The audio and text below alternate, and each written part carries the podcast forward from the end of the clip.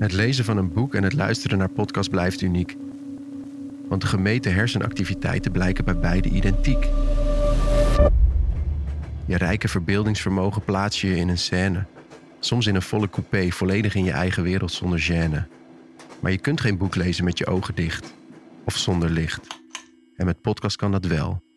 Zelfs in het donker. Of in hetzelfde treinstel. Podcast nemen je mee op een reis. Je verliest jezelf in een verhaal met geen benul meer van de tijd. En als er iemand naast me zit met oortjes in, starend naar buiten, dan luister ik stiekem mee en probeer ik ons journaal te herkennen in de geluiden.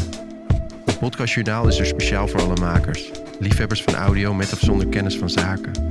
Neem de tijd en pak je moment. Want dit is speciaal. Een podcastjournaal. Welkom bij een podcastjournaal. De plek waar je moet zijn als je houdt van podcast, audiodocumentaires, sounddesign en alles wat de Nederlandse podcastmarkt leuk maakt. Hier word je bijgepraat over de laatste trends, de belangrijkste updates en ontwikkelingen. We gaan in gesprek met makers en zorgen dat je niks hoeft te missen. Neem de tijd, pak je moment.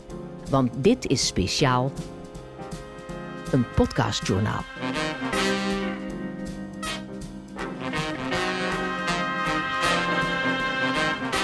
Robert, wat leuk om hier weer te zijn. Uh, wat hebben we vandaag allemaal in petto? Ja, een hoop nieuws natuurlijk weer. En dat mag ook wel na zo'n lange zomerstop. Zo bespreken we de laatste luistercijfers, waarbij we ook Amerika onder de loep nemen.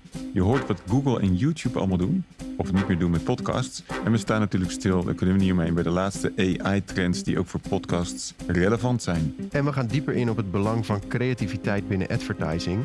En bespreken we een mooie tech-update, de Audio Tech, die je in je nieuwsbrief kunt integreren om je podcast toegankelijk te maken en meer aandacht te geven. Jij hebt gesproken met Kees de Koning. Wie kent hem niet? Onder andere Topnotch, maar tegenwoordig, of alweer 3,5 jaar, ook de oprichter van, uh, van podcastbedrijf De Stroom. En hij vertelt ons onder meer hoe De Stroom is begonnen. Dat is dus niet als podcastbedrijf. En dat hij zelf ook inmiddels podcastmaker is geworden. Je hoort er alles over in het interview verderop. En natuurlijk ook onze fameuze podcast-exoot zal dit keer niet ontbreken. We hebben twee enthousiaste makers gevonden van de podcast De Kleinkunst stuntelaars. Zij beogen een compleet overzicht van cabaretiers in kaart te brengen en te beschouwen. Ze nodigen die mensen dus niet uit, wat doorgaans zou gebeuren, maar zij praten er gewoon over en laten weten wat ze ervan vinden. Ja, je hoort alles van ze in de podcast Exode. Genoeg te beluisteren dus. Laten we snel van start gaan met het nieuws. Let's go!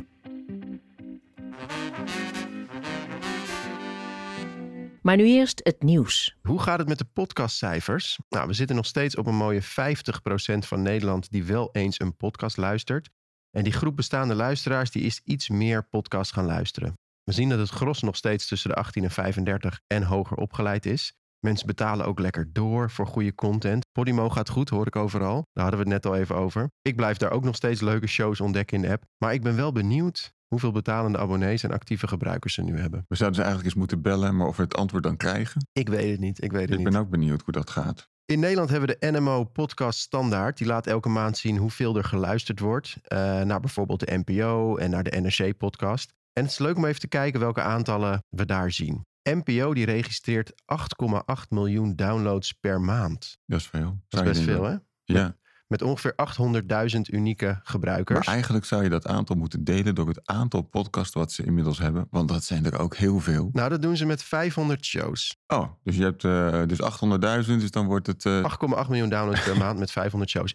NRC daarentegen, die registreert 1,9 miljoen downloads per maand met slechts 16 shows. En daar zitten ze op ongeveer 200.000 unieke luisteraars. En wat mij nou wel leuk lijkt om het, om het eens te kijken van hoe dat nou in Amerika eruit ziet. Omdat Amerika is natuurlijk veel groter.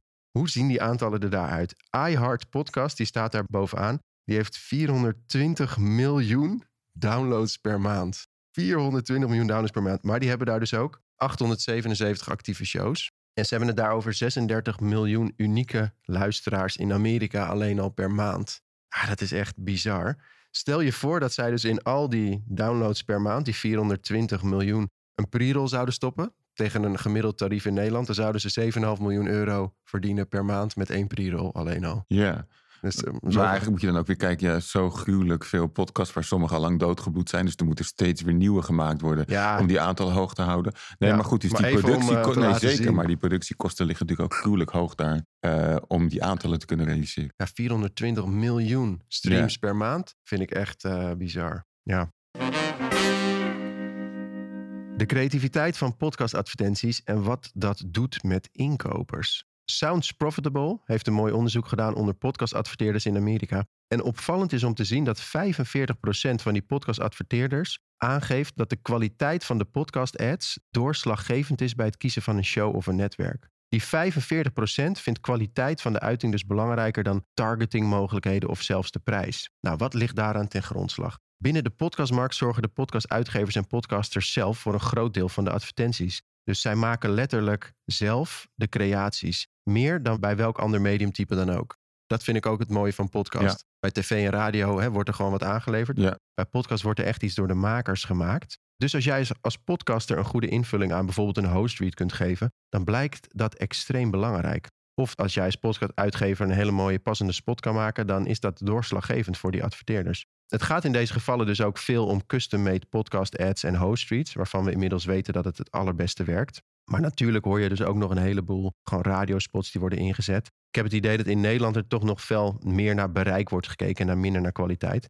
Maar anyway, ik vond het een opvallend bericht uit, eh, uit Amerika. En goed om te zien dat creatie dus ook belangrijk blijft. Ik vind nog steeds ook dat een goed uitgevoerde host read superkrachtig en impactvol kan zijn. En daar onderscheidt podcast zich echt mee ten opzichte van andere mediumtypes. En eh, waarom doen we dan zo'n host read? Nou, omdat we geld moeten verdienen. En eh, dat is wel eh, een interessant onderwerp waar wij het net over hadden, Joep. Omdat we eigenlijk concludeerden dat podcast een van de weinige, zo niet de enige vorm van content is. Waar we het met z'n allen nog heel normaal vinden dat het allemaal gratis is. Of als je hem omdraait, waar de uitgevers er blijkbaar moeite mee hebben om het achter een betaalmuur te zetten. Want dan zou het blijkbaar te weinig meer doen. Ik las een leuk stukje van Elger van der Wel. Elger van der Wel moet ik zeggen, die ook schreef. Hè, we hebben natuurlijk wel Podimo, we weten de cijfers niet. NRC heeft er een paar achter de betaalmuur, NRC Audio. Maar verder zie je dat in Nederland eigenlijk bijna niet gebeuren. Hij noemde de Economist, waar ze onlangs hebben gezegd... wij zetten al onze podcasts, behalve dan de dagelijkse nieuwspodcast, die Intelligence... zetten we voortaan uh, achter de betaalmuur. Um, ik vind dat wel sterk. Ik vind het wel krachtig dat je als uitgever zegt, of nieuwsuitgever... wij maken gewoon goede content, daar moet je voor betalen. Je weet, het kan wel sterk zijn, maar als het in de podcastdynamiek zo werkt... dat er dan geen luisteraar meer overblijft, dan heb je er nog steeds niks aan. Dus qua inkomsten. Dus als je kijkt, was natuurlijk bij de kranten online, was het heel lang heeft dat geduurd. Ja. En, uh, en, en, was het maar de vraag of het ooit uh, nog zeg maar, geld mee te verdienen was. En uiteindelijk hebben eigenlijk alle klanten nu een betaalmuur. En moet je meteen lid worden en krijg je drie artikelen gratis en daarna moet je gaan betalen. Ja. En iedereen begrijpt dat en accepteert dat. En waarom is dat bij podcast dan niet zo? Dus jij zegt ook, het is onoverkomelijk dat het gaat gebeuren. Maar het is alleen, ze durven het nu dus nog niet aan. Nou ja, ik denk dat er genoeg wel uh, uh, mee geëxperimenteerd is. Dus ze durven het niet aan. Blijkbaar uh, hebben die experimenten er nu nog uitgewezen dat de aantallen dan zo laag worden dat je er niks meer mee verdient. En accepteren ze dan maar dat het een, uh, een onderdeel is van hun hele model. En dat dit. Ja. Uh, ja, er wordt, van, er wordt... De podcast is gewoon de etalage van, uh, van de winkel. Maar er wordt dus wel geëxperimenteerd in Nederland nu. De laatste, het laatste nieuwtje is dat AD een podcast uitbrengt, de Stiefmoedermoord. En die is alleen maar beschikbaar voor abonnees. Volgens mij kan je de trailer in de eerste aflevering luisteren. Maar verder moet je dus ja, abonnee van AD zijn om de rest te kunnen horen. Dus ja. ik ben wel benieuwd hoe dat, hoe dat. Uh, ja, dus gaat. bij AD niet een apart podcastabonnement. Je moet dan ook wel echt de krant uh, online gaan lezen of in een abonnement nemen. Ja. En dan krijg je waarschijnlijk voor heel weinig, of misschien niet eens, uh, krijg je gewoon die podcast dan erbij. Ja. Maar, dat vind ik dan wel een anders stap. dan een abonnement op podcast alleen. Dat zou ik. dat, je zou het logischer vinden, toch? Ik weet dat volgens mij bij NRC heel veel mensen, heel veel nieuwe aanwas via podcast komt. Weet je, veel jongeren ja, komen in aanraking met podcasts. Als je dat kan aantonen, dan is dat je businessmodel. Ja. Maar het lijkt me ook wel weer lastig aan te tonen dan. Ja. Oké. Okay. Interessant. Misschien moeten we toch een keer een uitgever uitnodigen. Voor een hoofdinterview. Om ja. eens even van de hoed en de rand. Ja, dat is een goeie. Dat is een goeie. Oké, okay, het volgende item. Uh, Robert, weten jouw kinderen al wat ze later willen worden? Um... Iets met podcast misschien? Nee. Nee?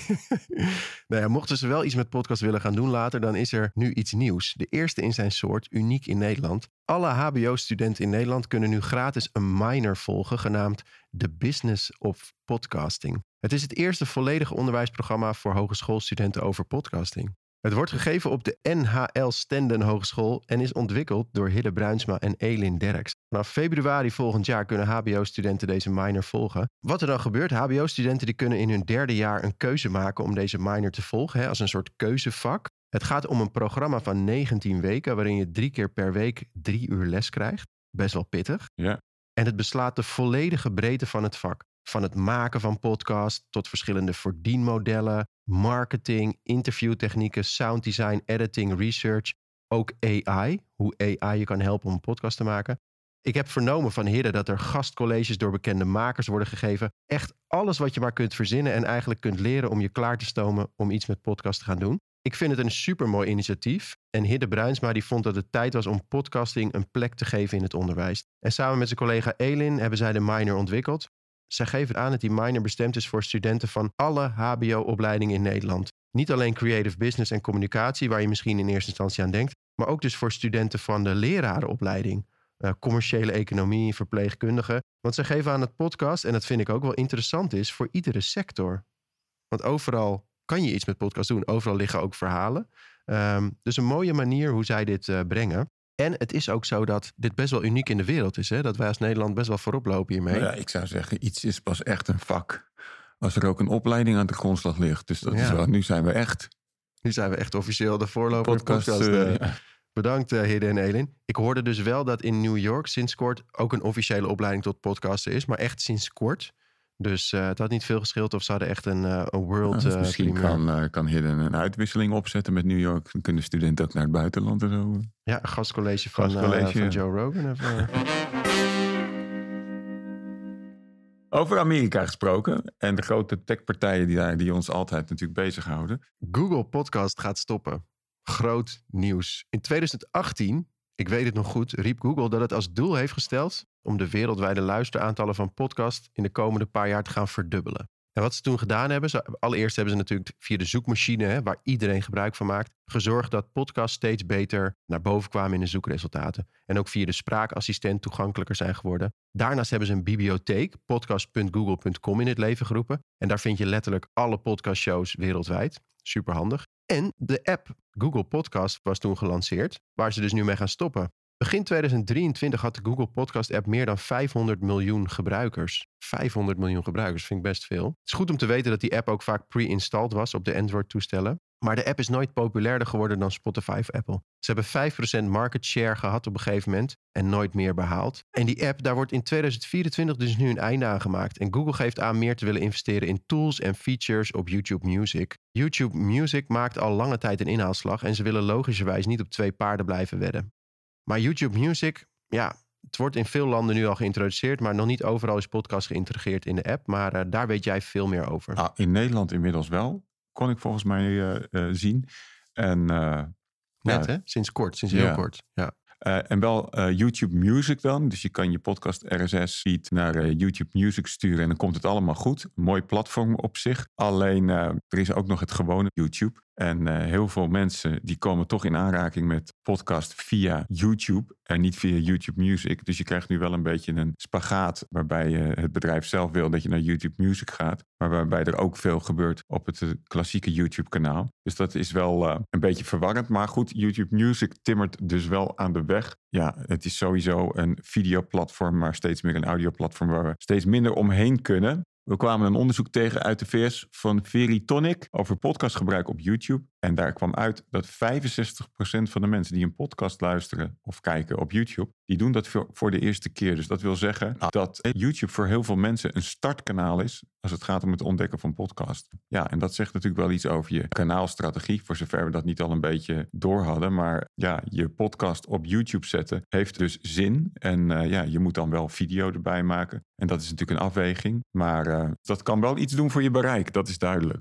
Ja, en verder kwamen er nog wat dingen uit het onderzoek. 54% van de luisteraars kijken via YouTube omdat ze simpelweg de host en de gast willen zien. Ik kom regelmatig nog ook online discussies tegen, is altijd wel grappig. Je hebt het kamp van de mensen die zeggen, ja, maar het hele idee van podcast is dat ik dan iets anders kan doen en dat ik niet hoef te kijken. Dat is juist een podcast, in de auto, dat soort dingen. En dan is er blijkbaar ook een groeiend kamp dat zegt, ja, het is allemaal wel. Ik vind het gewoon leuk om, eh, om te kijken. Ik doe dat wel tijdens eh, niks of eh, dat is gewoon voor mij quality time. En dan is er nog een hele kleine groep, niet aan te bevelen, die podcast op YouTube in de auto aanzet. Ja, inderdaad. Ja. Het is ook grappig om te horen waar mensen zijn ingestapt in de podcastwereld. Zoals Kees de Koning straks uh, aangeeft. Voor hem was Drink Champs de eerste podcast die hij luisterde. En dat is een videopodcast. Dus hij had ook zoiets van ja, podcast is gewoon video of audio. Ik ben zelf op een andere manier er binnen gekomen, waardoor ik zoiets heb van video. Oké, huh? maar dat is grappig dat je dat zegt. Ja, Die en zelfs aan de achterkant voor het maakproces. Want ik sprak laatst eh, jongens die moesten een podcast met video maken. En die zeiden gewoon, ja, we maken gewoon video's. En aan het eind snijden we die audio wel los en hebben we een podcast. Ja. Dus misschien ook een beetje vloek in de kerk voor de echte podcastmaker. Maar, ja, die draaien het om. Ja, wat ik ook wel mooi vind, is dat, daar had ik het ook laatst over, dat je ziet toch altijd het verschil tussen verhalende podcasts en chatpodcasts. En er is wel eens een tijd geweest dat, dat die echte dan fans van verhalende podcasts hadden over, ja, praatpodcast, babbelpodcast, dat is gewoon hè, een gesprekje opnemen en live zetten. Maar iemand die brak laatst een lans voor chatpodcast, die zei, je moet niet onderschatten hoeveel tijd en hoeveel werk en hoeveel research er in een gewone praatpodcast kan zitten. En die zijn ook soms van extreem hoog niveau, weet je wel. Er zit een heel team achter die dat doet. En ik moet zeggen, Nou ja, ik vind dat ook wel... De, de wereld draait door. Dus is, precies. is ook een praatpodcast. Als je wil weten wat daar voor research achter zit. Het is natuurlijk maar net hoeveel kwaliteit je er, erin wil stoppen. Ja, dat kan. Ja, ja, maar daar werd ook geleid door een streng iemand natuurlijk. Hè? Ja. Oké. Als ik zeg Secrets in the Dark of Forces of Nature, wat zeg jij dan? Nou, iets met natuur in elk geval. Maar Ja, ja, maar die namen, die namen. Secrets in the Dark, ja, dat klinkt mij als eh, spookverhalen. Ja, Forces of Nature. Ja, een beetje hetzelfde mysterie- mysterieuze Ja, verschijnsel, natuurverschijnselen. Ja, Secrets in the Dark is de naam van de nieuwe podcast van eh, Spotify en DC Comics, The Riddler. En Forces of Nature, zo heet het nieuwe verhaal van Frozen. Frozen Frozen. van Disney. Ja. Oké. Want ehm, dit is eigenlijk een heel mooi voorbeeld van een repurposed podcast. Bestaande verhalen of sprookjes die Ja. nu in een podcast worden verpakt. Daar hebben we het eerder over gehad. Daar hebben we het zeker eerder over gehad. Er zijn een paar grote deals in de markt. Spotify en eh, DC Comics. Die hebben al lange tijd een deal om, eh, om die comics naar podcast te vertalen. Vorig jaar kwam daar Batman Unburied uit. Eh, Ja. De eerste in de reeks. En die was echt heel dik. Eh, er werd dus een nieuw verhaal voor Batman geschreven. Met topacteurs ingesproken. Hollywood stemacteurs. Nu wordt dat kunstje dus herhaald met het verhaal van The Riddler. En we horen in The Riddler ook Hassan Minaj. Dat is de acteur die in Batman Unburied dus ook The Riddler speelt. Die krijgt nu zijn eigen serie. Een nieuw verhaal dat is geschreven. Secrets in the Dark. Die zitten wel achter de betaalmuur, hè, denk ik, dit soort podcasts. Of? Nee. Oh, dus die kunnen je we straks allemaal. luisteren. eh, waar moeten we? Die kunnen we straks allemaal, of nu al? Op Ja, want het is van Spotify en eh, DC Comics. Dus het staat gewoon op Spotify. En die andere waar we het net over hadden, Forces of Nature. Dat is dus gewoon een podcast van Disney samen met Wondery. En dat is het nieuwe Frozen verhaal. Dat is dus niet een vertaling van de film, maar echt een nieuw verhaal wat ze hebben gemaakt. Waarin ook nieuwe karakters worden geïntroduceerd in Arendelle. Arendelle heet volgens mij dat eh, stadje. Ja. En het wordt gesponsord, wat ook wel grappig is, door Macy's. Het Warenhuis. Dus als je hem nu luistert, dan hoor je van... Deze podcast wordt mede gemaakt door Macy's. En je hoort bij deze shows dat het echt storytelling is. Geen voorgelezen verhalen, echt goed gespeeld. Sounddesign, de whole shebang. Tof gemaakt. Alleen deze is nog niet in het Nederlands. Maar wel mooi om te zien. Dus dat ook grote ja, comicpartijen en Disney dus... is audiocomic, dit. Eigenlijk, ja. ja. Audio stripboek. Het is echt storytelling. Ja, ja, precies. Ja. Mooie ontwikkeling. Nou, over ontwikkelingen. Iets waar wij niet omheen kunnen, dat willen we natuurlijk ook niet. AI in de podcastwereld. Er zijn eh, veel innovatieve toepassingen die het hele maakproces ook eh, makkelijker maken voor podcastmakers. Zoals sound enhancement, automatische transcripten, waardoor de podcast makkelijker doorzoekbaar wordt. En er wordt natuurlijk enthousiast gekeken naar het klonen van stemmen of automatisch vertalen van, eh, van spraak. Zoals net ook door Spotify aangekondigd. Die kunnen dat allemaal geautomatiseerd doen. Ik zag ook een post van eh, sounddesigner Gijs Vriezen voorbij komen. Die AI probeerde in te zetten om muziek te maken. Maar de uitkomst was niet mals. Hij noemde de tool die hij gebruikte een niet zo heel erg gemotiveerde stagiair. Dus daar staat het eh, misschien dan nog te veel in de kinderschoenen. Maar de ontwikkelingen gaan razendsnel. Dus wat vandaag niet werkt, is morgen misschien wel eh, mindblowing. Hoe dan ook, er is veel over te zeggen. Zoveel dat we hebben besloten hier toch maar een aparte thema-aflevering van te maken. Dan wel een groot interview met een kenner. Dus eh, wij verwachten dat de volgende aflevering van het eh, podcastjournaal voor een groot deel in het teken staat van podcast en AI. Maar goed, jij wilde toch nog wat dingetjes ook noemen, Joep. Ik heb twee dingen die ik even wil aanstippen. AI heeft natuurlijk veel voordelen voor makers. Hè? Je gaf net aan sound design met, met Gijs. Het kan in allerlei opzichten helpen, maar AI het wordt in de podcastmarkt ook steeds vaker ingezet met een controlerende functie. Daar heb ik twee voorbeelden van meegenomen en het zijn beide op basis van speech recognition. Het bedrijf Seeker introduceert de Civility Score. En via speech recognition kunnen zij de meest populaire podcastshows ranken op beschaafdheid. En ze geven aan op een objectieve manier te meten of in die shows bewust mensen zwart worden gemaakt of er zaken worden gezegd die polarisatie of agressie in de hand werken. En die data die wordt gretig gebruikt door inkopers en sponsors van podcasts. Die kunnen aan de hand van die civility score dus bepalen waar ze wel en vooral niet willen adverteren. De tool meet podcastshows in zijn geheel door, dus ze kijken ook naar oude afleveringen. Alles om te voorkomen dat merken niet tussen de verkeerde context belanden. Dat is een grappige toepassing, ja, hè? Zeker, ja. Dat zit dan weer aan de andere kant, aan de adverteerderskant. Aan de adverteerderskant.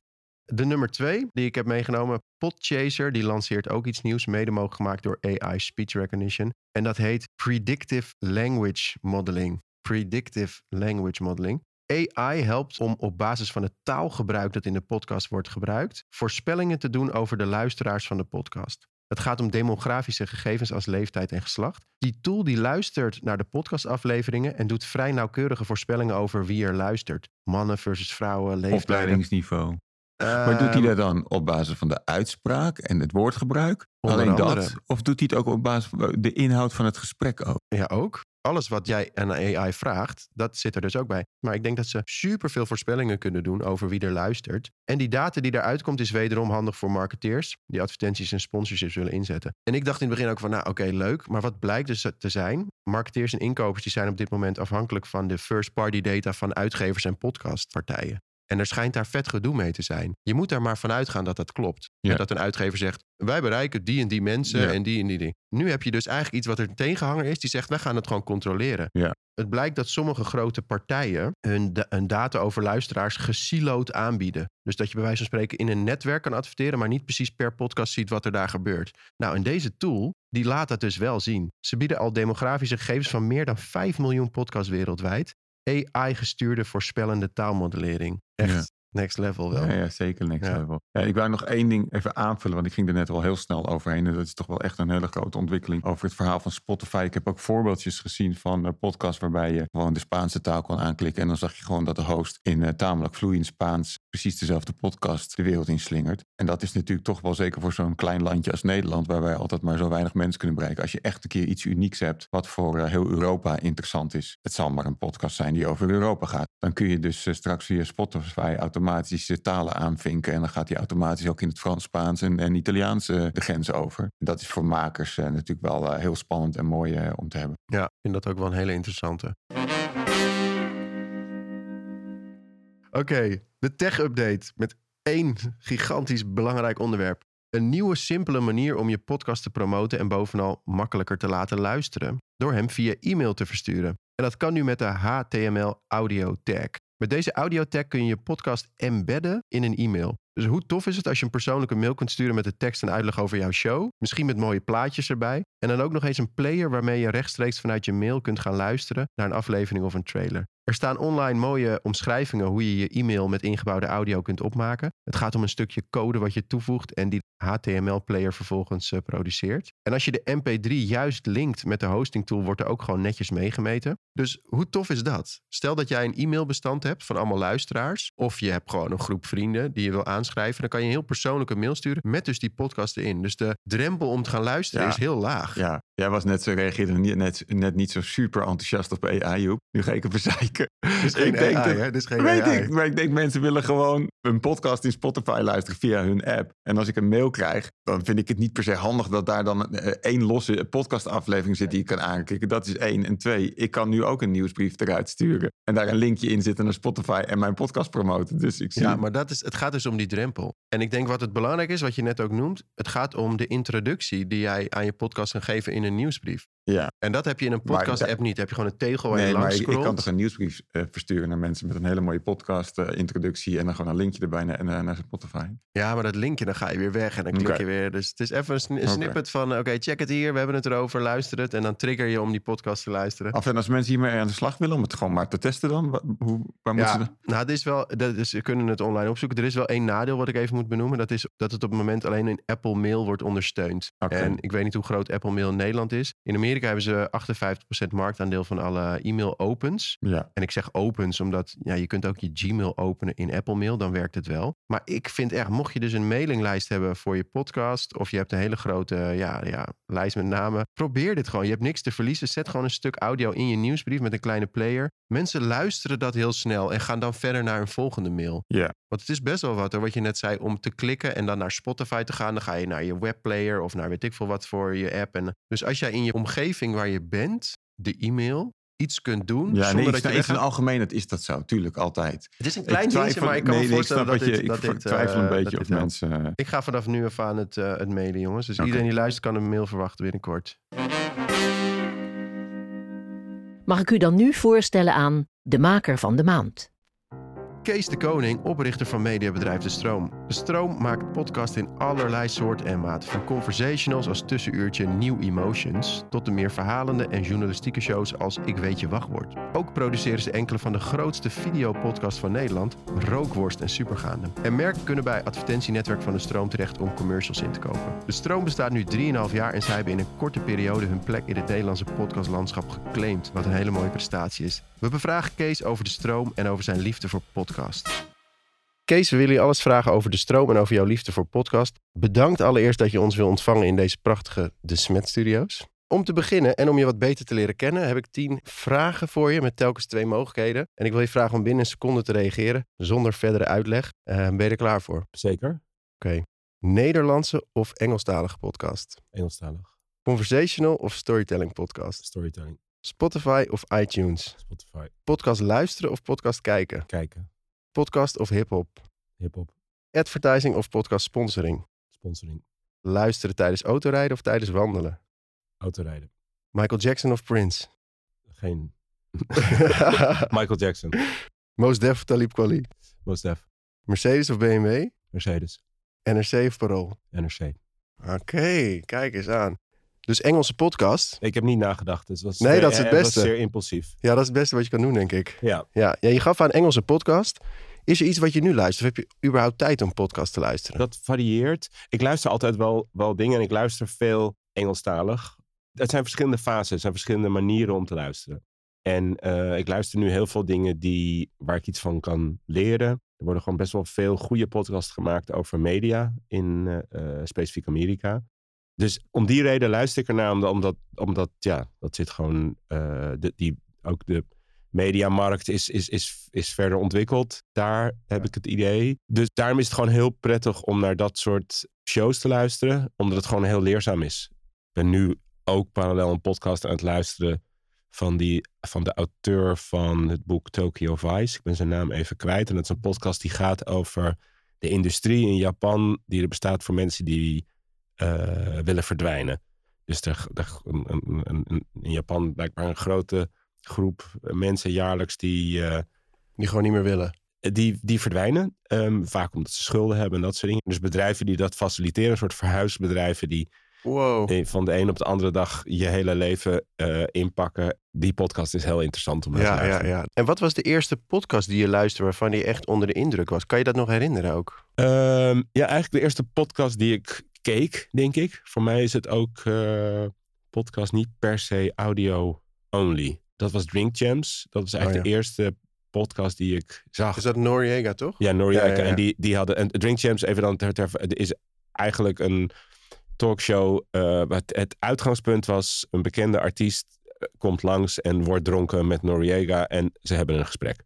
Inmiddels is dat uitgegroeid denk, door, tot denk ik de soort belangrijkste muziek talkshow in Amerika. Dus ik geloof dat Chris Rock aankondigde van als ik, ik ga binnenkort een interview geven over wat er gebeurd is tussen mij en Will Smith. En die gaat dus dan naar Drink Champs en niet naar Oprah. Ah, Ja, ja, Dus ja, dat ja, die. Maar goed, wat, voor mij was dat heel vet, omdat het een soort van alternatief media maken was. En uh, het, ik met een goede vriend van mij erover had, die was weer heel fan van Joe Rogan vanuit uh, vechtsport. Vond hij dat weer interessant. Dus Ja, dat, ja. dat, toen bleek het voor mij was een eerste contact met podcast was als een soort eh, alternatief op YouTube voor tv-programma's zoals je Ja. ze kende. ja, precies.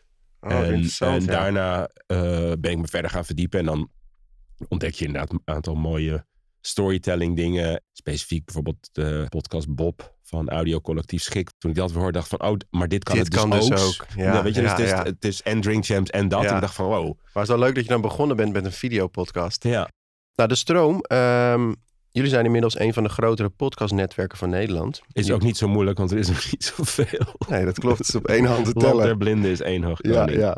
Maar toch, eh, jullie hebben je plek in het Nederlandse podcastlandschap snel weten te veroveren. Ehm, hoe gaat het eigenlijk met de stroom? Eh, goeie vraag.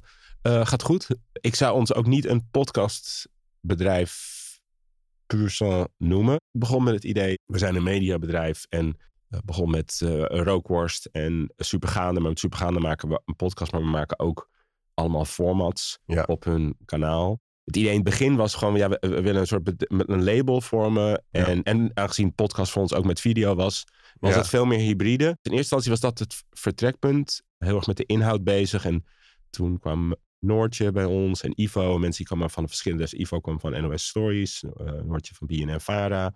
We gingen eigenlijk een beetje met elkaar ook zoeken en ontwikkelen van wat willen we nou gaan maken. Maar ondertussen ging de markt be- bewoog zich ook eh, op een bepaalde manier. Ik had eerlijk gezegd niet zo heel erg van nagedacht nog over hoe gaan we hier nou geld mee verdienen. Maar in eerste instantie dacht ik van hoe gaan we moeten namaken op basis van de inhoud en publiek vinden. En ja, dan daarna is een logische volgende stap is dan ga je op zoek naar geld in plaats van eerst op zoek naar geld en dan naar makers en dan naar publiek. Wat denk ik op zich een logischere volgorde is vaak in het bedrijfsleven. Alleen was niet mijn vertrekpunt en niet uit wijsheid, maar gewoon zo was ik gewend te opereren. En toen die markt ontwikkelde en, en zeker toen eh Tony Media, een beetje min of meer parallel met de stroom de kop opstaken en veel duidelijker een profiel hadden. Mede denk ik omdat Sander en een maker was van de bekendste show en een graag geziene gast in talkshows. Dus die kon ook goed beargumenteren waar een podcast een goed idee eh, waren. En dat het heel erg business was. Toen dacht ik, shit, ja, we zijn gewoon een beetje een soort gekke hybride rebellenclub. Misschien moeten we iets meer focussen op podcast. Want dat is ook eh, waar het nu de hele tijd Ah. over gaat. En ik merkte ook even bijvoorbeeld met de YouTube dingen die we deden. Dan ja, moest je weer naar andere mediabureaus of andere eh, eh, agenten of zo. Dus ik dacht, oké, misschien moeten we iets helderder zijn in ons product. Dus jullie waren niet per definitie een podcastlabel wat werd opgericht. En dat was in eerste instantie niet, niet het idee. En toen zijn we daar een beetje, hebben we ons daar meer en meer op gefocust. En ook, we moeten ons daar ergens op toeleggen. Ook Ja. om gewoon helder in de markt te staan. Ook, eh, en de enige manier natuurlijk in media om geld te verdienen is door middel van adverteerders. Dus ja, dat werd ook wel duidelijk dat voor ons overleving het gewoon belangrijk was om wel dat helder te hebben. En eigenlijk op het moment dat dat weer een plek had, zijn we weer op zoek gegaan van oké, wat zijn andere verdienmodellen en wat zijn andere dingen die we kunnen doen. En toen zijn we eigenlijk, ik denk in jaar, in jaar één heel erg veel tijd gestoken in ontwikkelen van shows en ideeën. En inderdaad alle, heel veel verschillende dingen maken en ook weer met dingen stoppen. En het gewoon om te zoeken ook. Ja, ja. eh, wat werkt en kan je een publiek vinden of eh, welke toegevoegde waarde heb je als producent. En eigenlijk zijn we nu afgelopen half jaar meer en meer gaan focussen ook op televisie en produceren. Dus eigenlijk podcast produceren voor, niet, niet alleen voor, eh zullen we maar zeggen, voor adverteerders. Of dus podcast maken en door, waardoor je adverteerders moet Ja, zoeken ja, ja. Om, of sponsors om daarin verder te gaan. Meer formatontwikkeling. Maar format ontwikkelen, we zijn dus nu voor een aantal omroepen, eh, een aantal mediapartijen programma's aan het maken, podcast aan het maken en ook televisieprogramma's aan het maken. En, en dan merk je weer dat het heel interessant is dat een podcast natuurlijk een hele relatief goedkope en laagdrempelige manier is om dingen te, te te, testen, te testen en te maken. Ja. En, dat, en dat was weer wat mij het meest aantrok. Bijvoorbeeld in Drink Champs of zo. Het, het nou ja, low budget. Het gevoel van, hey, we zetten gewoon even hier een tafel neer en een paar microfoons. En door onze creativiteit, en we uploaden het op YouTube, maar door onze creativiteit bereiken we net zoveel mensen als in het geval van Noriega, Oprah Winfrey of zo. Ja, ja, en ja. eigenlijk parallel is hetzelfde wat we met Rookworst eh, hebben gedaan in Nederland. Ik hoorde je net ook even zeggen, eh buiten beentje, hè, als je het hebt over de stroom. Ja. Dan wil ik even een stukje tekst laten horen uit het nummer van Jiggy J.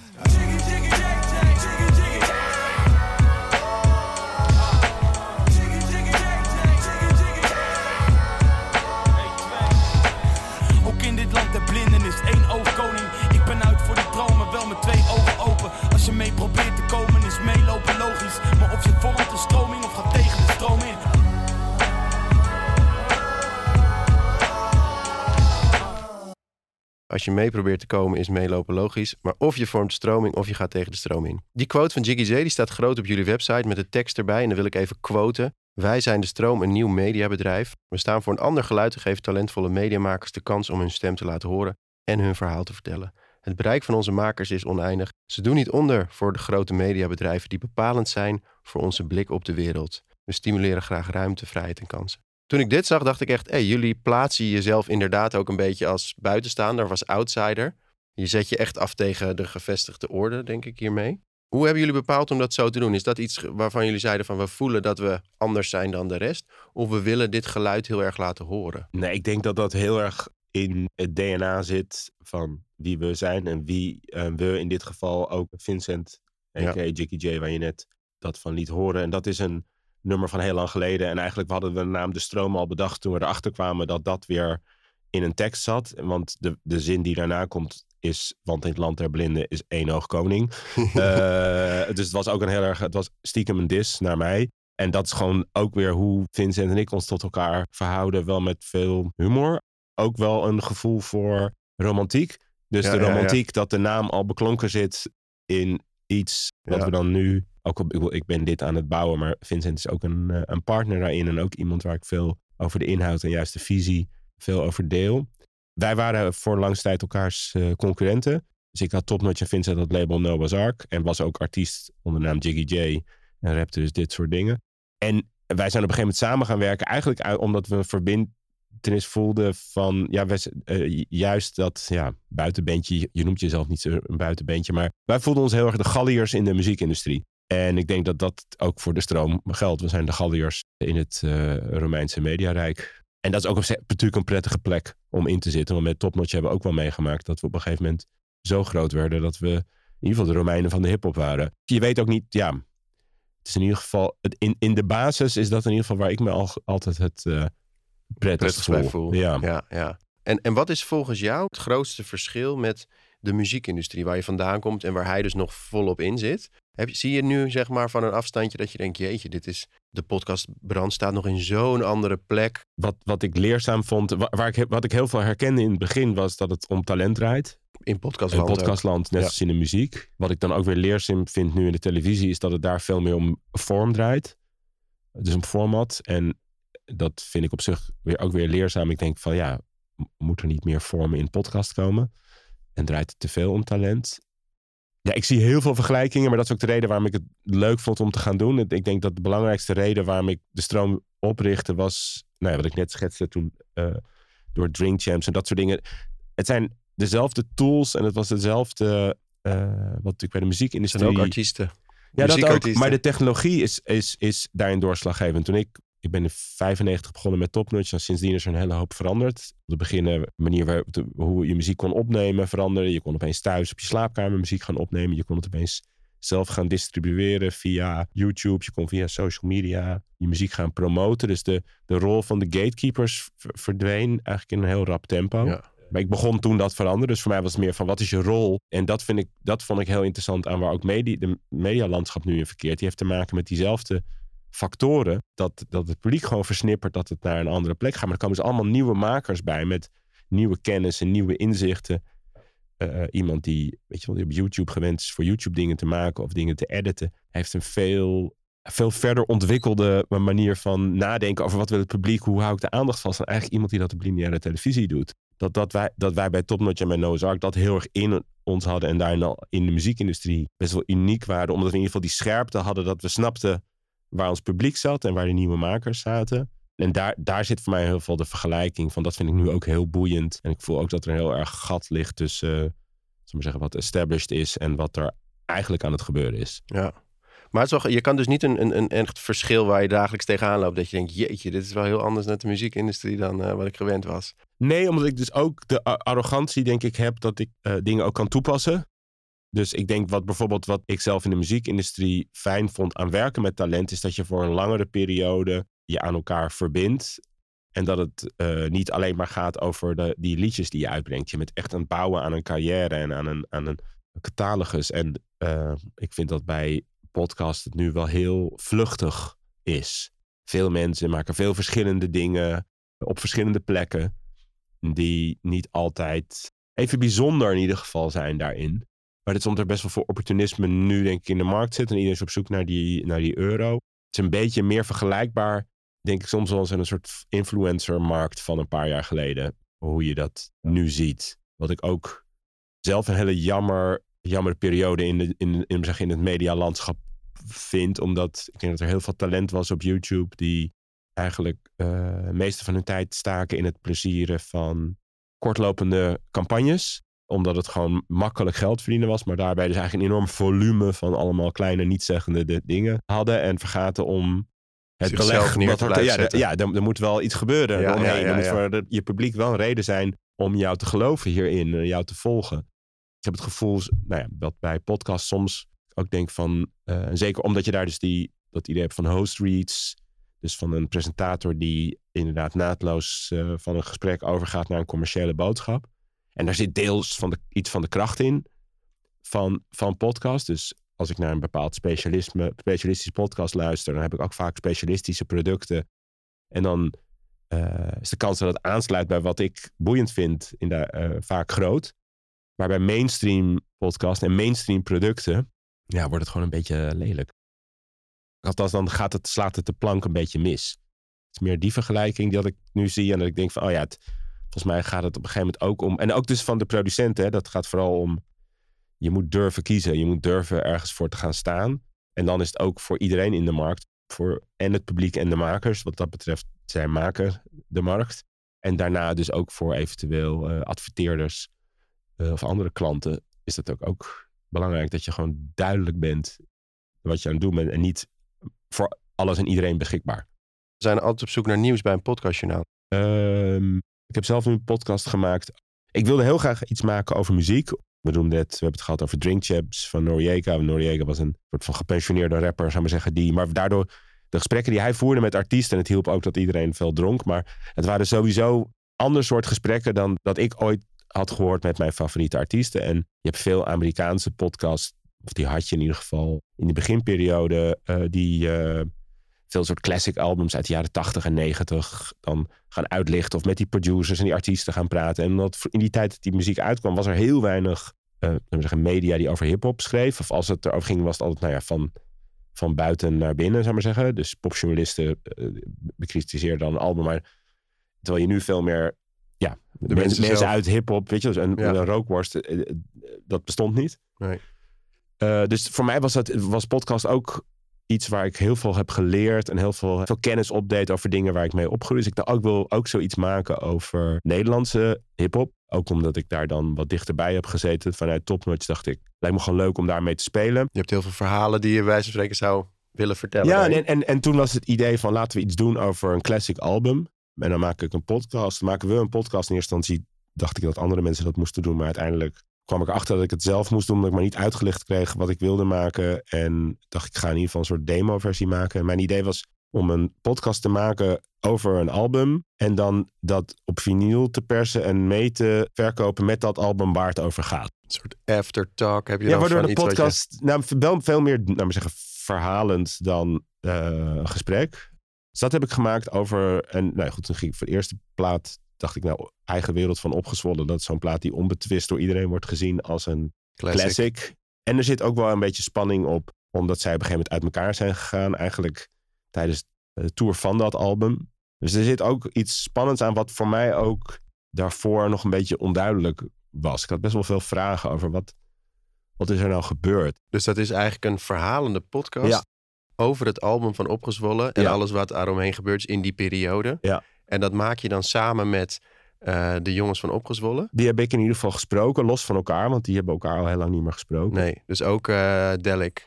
En eh, we hebben ook heel veel demo's en versies van nummers. eigenlijk over dat hele maakproces. Er zit ook heel veel audio in die, die nooit eerder gehoord is. Dus dat heb ik gemaakt. Dat, dat komt volgens mij ook, als alles mee zit, dit jaar ook bij Omroep Zwart uit. Heel vet Ja. idee ook. Ja, Ja, dat is echt heel leuk. Mooi, eh, daar kijk ik ook naar uit. Ik heb nog een laatste vraag. Want we hebben nu al natuurlijk de nieuwtjes gehad. ja sorry. Nee, dat geeft niet. Makers die zijn altijd op zoek naar manieren om hun podcast te financieren. Hè, of geld te kunnen verdienen met hun werk. Zo kunnen ze natuurlijk naar Podimo, eh, Dag en Nacht, eh, Bij de NPO is het vaak hè, moeilijk. Uh, je kan natuurlijk een heel proces in. Daar worden keuzes in gemaakt. Hè. Netwerken zijn vaak op zoek van, nou, of jij moet een hele bekende kop hebben, of je moet al een enorm bereik hebben, of dit moet misschien een heel goed verhaal zijn. Voor welke zaken kunnen makers bij jullie terecht? Hoe werkt dat bij de stroom? Uh, nou ja, het, het, verschilt heel erg. Ik denk dat, dat het grootste gedeelte van de dingen die wij maken, die initiëren we zelf. Dan wel leggen we zelf, hebben we zelf het idee van dit is een talent waar we mee willen werken. Of dit is een idee wat we hebben en dit is een talent wat zou passen bij dat idee. Er zijn natuurlijk ook mensen die zich, die zich melden met ideeën en soms al hele seizoenen. En, en het verschilt gewoon we zijn daar heel flexibel in. Je zoekt gewoon de hele tijd van naar wat is je toegevoegde waarde. Jullie hebben ook een beetje een allergaartje aan podcast. Ja. Dus het is niet per definitie BN'ers met uh, nee. bekend. Het is echt van alles wat. Ja. Dat vind ik ook heel bijzonder. Dus jullie maken daar echt op gevoel. Of je maakt het zelf. Ja. Of het is iets wat misschien bij jullie past. Het is ook een beetje zoeken. Maar het is niet dat jullie zeggen... wij willen ons netwerk zo groot mogelijk maken... om zoveel mogelijk advertenties te verkopen. Nee. Nee, nee. Nee, juist eh, denk ik heel specifiek. Ja. Dat is denk ik voor ons de, de koers. En, niet, en niet, niet, niet heel veel. Het allegaartje of de veelvoud, daar zijn we nu ook wel meer en meer weer aan het het is de hele tijd twee stappen naar voren en één stap naar achter of zo. Dus dat zijn we ook weer aan het kaderen. En we zijn met een hoop dingen aan het stoppen. Om duidelijker voor onszelf ook duidelijker focus te hebben. Uh, maar het doel is uh, uh, minder doen en daar meer eigenlijk uithalen. Dat is denk ik het belangrijkste. Gewoon een, een diepere, bredere samenwerking. Dus bijvoorbeeld met Rookworst, wat gepresenteerd wordt door Hef. En daar is natuurlijk al een heel langlopende relatie mee. Want die is als artiest betrokken bij Noah's Ark.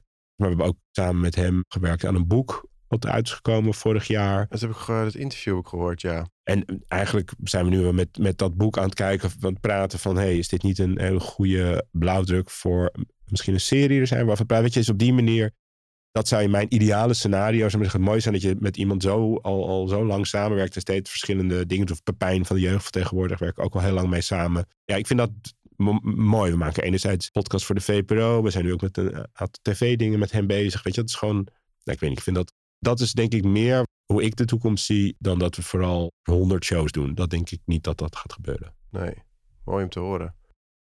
Dus jullie zijn echt, ik vind dat jullie de stroming uh, vormen ook wel van jezelf. Maar jullie gaan er ook wel een beetje tegenin.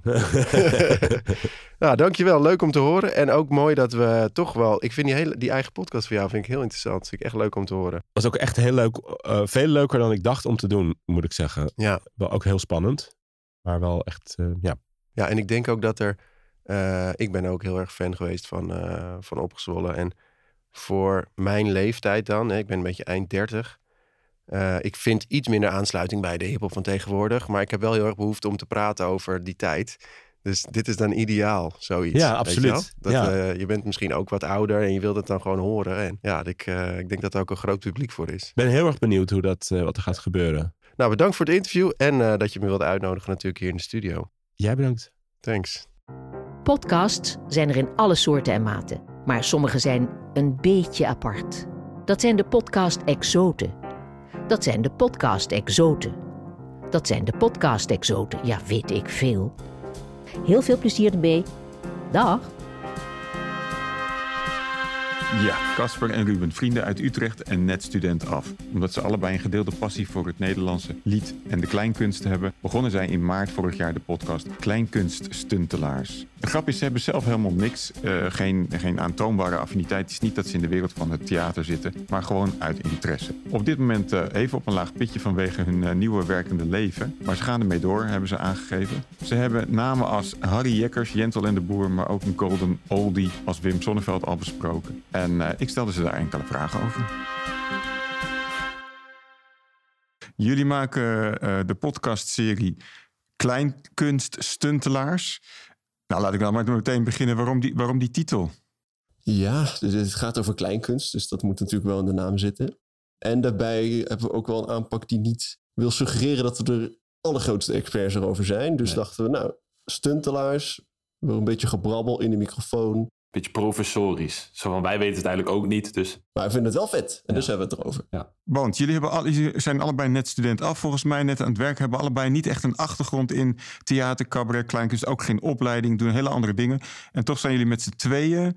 eh, begonnen met het eh, praten over kleinkunstenaars, cabaretiers. Waarom? Ja, we hebben allebei een soort fascinatie daarvoor, denk ik. Dat we in de studententijd gingen we altijd samen biertjes drinken en ginnegappen. En toen gingen we elkaar dan liedjes laten luisteren die we mooi vonden, die ons raakten.